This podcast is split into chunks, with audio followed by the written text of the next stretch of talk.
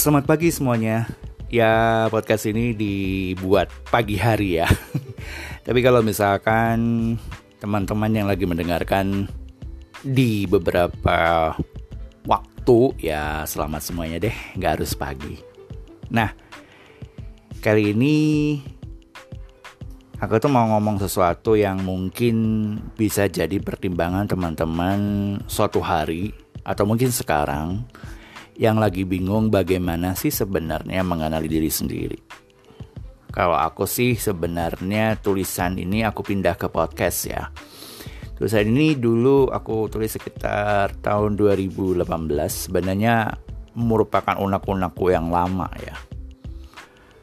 Uh, mau jadi seniman atau bisnismen. Tapi akhirnya seniman itu kalau dibaca di tahun-tahun belakangan mungkin bisa menjadi freelancer ya atau uh, orang yang secara independen bekerja sendiri tanpa harus bergantung terhadap orang lain tapi juga bukan mengerjakan bisnis tapi mengerjakan sesuatu yang sesuai dengan bidangnya masing-masing.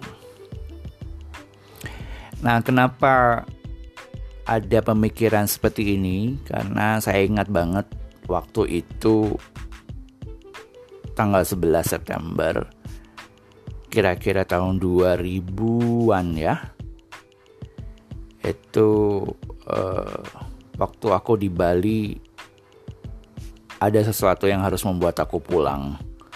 Selain ada bom Bali juga ada kejadian yang sangat menggonjangkan dunia yaitu hancurnya gedung WTC kejadian-kejadian itu membuat aku harus segera cabut dari kantorku dulu dan kembali ke Jember. Terus suatu hari nanti aku akan merantau ke Jakarta. Nah, perjalanan emosi memilih pekerjaan antara tahun 2000 hingga 2007 itu ternyata penuh lika-liku ya. Pekerjaanku juga seakan-akan morat-marit. Aku jadi penyanyi, jadi penyiar radio, tapi juga uh, mulai belajar menjadi kontraktor dan lain-lain. Yang ternyata ujung-ujungnya aku juga sendiri masih bingung. Aku itu ini siapa sih sebenarnya? Mau pilih yang mana sih? Seniman atau bisnis? Tapi yang jelasnya nggak kerja untuk orang lain ya akhirnya. Nah, waktu itu tahun 2008 aku tuh ketemu sama salah satu tokoh terkenal di Jakarta namanya Mas Bambang Asri Wijanarko. Mas Bambang Asri Wijanarko ini adalah seorang kurator internasional ya. Dia sudah malang melintang menjadi seniman yang ternyata juga survive di Jakarta. Beliau ini aku kenal karena beliau adalah salah satu lulusan dari Universitas Jember yang ada di Jakarta, walaupun aslinya dilahirkan sebagai orang Tulungagung. Tapi paling tidak kita ketemu karena sesama berbau Jember. Ia untuk meyakinkan aku untuk bisa berdiri di atas kaki sendiri, memperkenalkan salah satu tokoh ya yang sekiranya akhirnya mampu menjawab pertanyaan kegelisahan dalam mendalami profesiku ini ya. Ini semuanya semua uh, ya ada kemungkinan ya sudah tahu ya tapi mungkin teman-teman yang mendengarkan ini masih belum tahu namanya Abraham Maslow.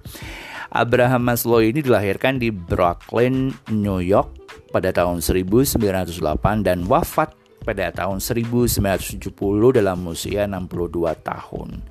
Maslow sendiri dibesarkan dalam keluarga Yahudi dan merupakan anak tertua dari tujuh bersaudara. Ini dari Wikipedia loh ya. nah, masa, masa, uh, masa muda Maslow ini berjalan dengan tidak menyenangkan karena hubungan yang buruk dengan kedua orang tuanya. Dan semasa anak-anak dan remaja, Maslow merasa dirinya amat menderita dengan perlakuan orang tuanya, terutama ibunya. Oh, kok mirip ya? Keluarga Maslow amat berharap ia dapat meraih sukses melalui dunia pendidikan dan untuk menyenangkan kemauan ayahnya, Maslow akhirnya sempat belajar di bidang hukum tapi gagal dan akhirnya berani mengambil bidang studi psikologi di University of Wisconsin dan memperoleh gelar bachelor pada tahun 1930, master pada tahun 1931 dan PhD pada tahun 1934. Nah, hubungannya si Abraham Maslow ini apa? Karena ternyata Bapak Abraham Maslow ini dikenal sebagai pelopor aliran psikologi humanistik ya.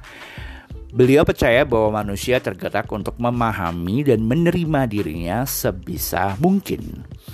Teorinya yang sangat terkenal sampai dengan hari ini adalah teori tentang hierarchy of needs atau hierarki kebutuhan. Nah ini penting ya didengarkan atau direnungkan bahwa sebenarnya kita itu punya pola kehidupan yang hampir serupa bahwa menurut Pak Maslow manusia termotivasi untuk memenuhi kebutuhan-kebutuhan hidupnya. Nah, kebutuhan-kebutuhan tersebut memiliki tingkatan atau hierarki ada ada level-levelnya gitu, teman. Mulai dari yang paling rendah, yang biasanya bersifat dasar fisiologis, sampai yang paling tinggi namanya aktualisasi diri. Nah, teman-teman gak usah ngotot ya kalau misalkan belum level tertentu, tapi ini cuman sekedar menggambarkan bahwa manusia itu pada dasarnya punya kebutuhan, keinginan, nafsu, yang akhirnya punya tingkatan-tingkatan tertentu sampai tingkat tinggi. Nah, apa aja hierarki kebutuhan itu yang paling dasar adalah kebutuhan fisiologis dasar atau basic needs atau psychological needs. Ya apa aja itu. Hal-hal simpel dan uh, aku pikir ini semua bakal akan iya ya membutuhkan kayak bernafas, makan, air, seks, tidur, uh, buang hajat dan lain-lain. Nah di tingkat paling atas berikutnya adalah uh, safety atau kebutuhan akan rasa aman dan tentram. Ya, ini agak agak sedikit ke atas lagi karena begitu kita memperoleh semua yang based on psychological tadi, uh, yang mendasar tadi, orang akan mempunyai kebutuhan akan rasa aman dan tentram. Apa aja itu?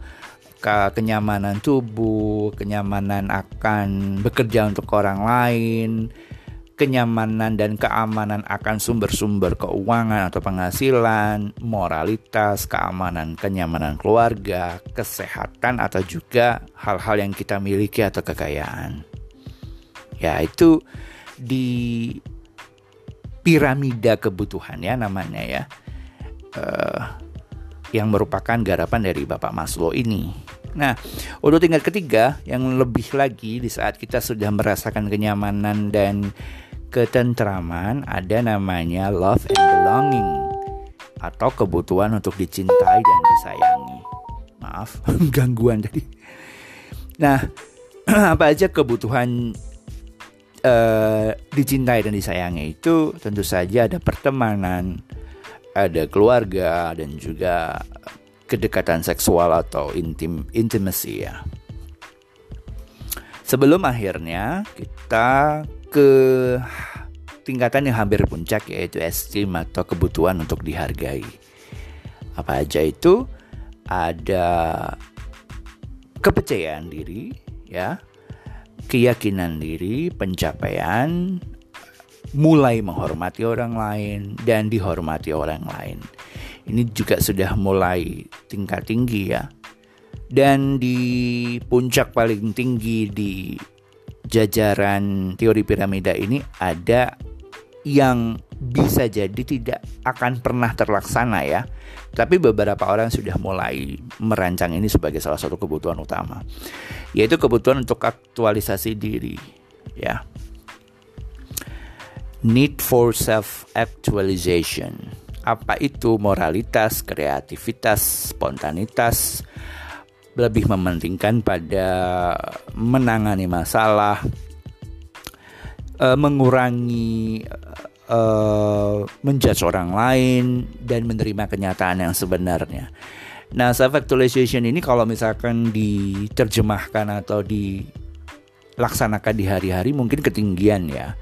Karena aku sendiri juga pernah dapat kabar kalau sebenarnya kalau ada orang yang sudah mencapai di piramida tingkat piramida yang paling tinggi ini di self actualization ini orang-orang seperti yang sudah di tingkat ini kadang-kadang sudah mulai melupakan apa yang ada di bawahnya.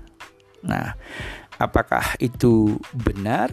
Nah, ini sebenarnya lagi di aku selidiki ya.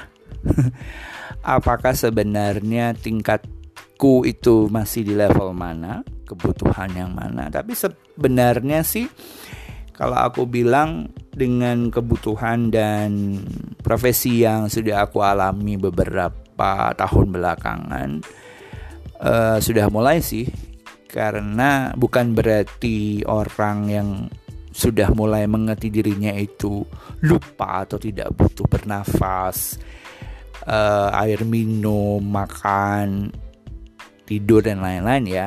Tapi ada beberapa hal yang aku pikir itu sudah menjadi otomatis ya, nggak mungkin orang tidak bernafas. Nah, di sini juga jelasin bahwa loncatan pada piramida kebutuhan masuk yang paling tinggi yaitu kebutuhan mencapai aktualisasi diri itu berbeda dengan keempat kebutuhan lainnya. Jadi kadang-kadang kalau kita sudah ada di puncak paling tinggi dari teori piramida kebutuhan, itu kayak ngelompatin logika gitu loh.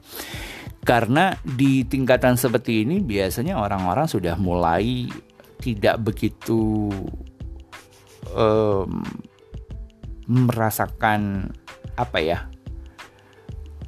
memiliki untuk dirinya sendiri. Dia akan lebih care untuk orang lain, dia akan lebih mengabdikan diri untuk orang lain dan lain-lain. Nah, ini akan jadi pertanyaan ya, apakah dirimu atau kalian itu sudah di taraf mana dan apakah perlahan-lahan kalian akan menjadi sesuatu yang lebih berpikir untuk beraktualisasi diri atau masih di hal-hal yang normal-normal saja. Makanya banyak yang bilang ke aku kalau uh, menemukan jati diri itu adalah sesuatu yang susah ya. Karena kadang-kadang mereka tidak tahu jalan atau bagaimana meraih jati diri itu. Nah, kalau bisa aku ulangi sekali lagi, sebenarnya kalau kita mau mencari jati diri, bahwa keempat tingkat piramida itu seharusnya harus selesai dan harus dimengerti. Ingat, kebutuhan psikologi psikologiko dasar, ya kebutuhan sehari-hari, kemudian melompat ke safety atau keamanan, kenyamanan diri, kemudian melompat ke cinta atau saling menyayangi, keempat diri sendiri, mulai menerima diri sendiri dan terakhir adalah aktualisasi diri. Nah, sekarang aku balik ke kalian sebagai orang yang berprofesi atau bekerja. Sebenarnya keinginannya mau apa? Mau menjadi seniman atau jadi bisnismen atau kedua-duanya? Karena tentu saja kadang-kadang di bayanganku sebagai seorang seniman atau freelancer, orang yang punya pikiran sendiri, sebenarnya orang yang sudah mau nggak mau melompat ke tingkat nomor satu dari teori piramida kebutuhan. Believe it or not, sampai sekarang masih saya pikirkan loh ya, bukan berarti saya sempurna. Aku sempurna atau sudah merasa di tingkat yang paling atas. Tapi sepertinya I'm on my way, on the way ke sana. Sekali lagi terima kasih Abraham Maslow yang sudah mengajarkan teori piramida kebutuhan. Bagaimana dengan kamu? Yuk berpikir lagi. Salam budaya. Dadah.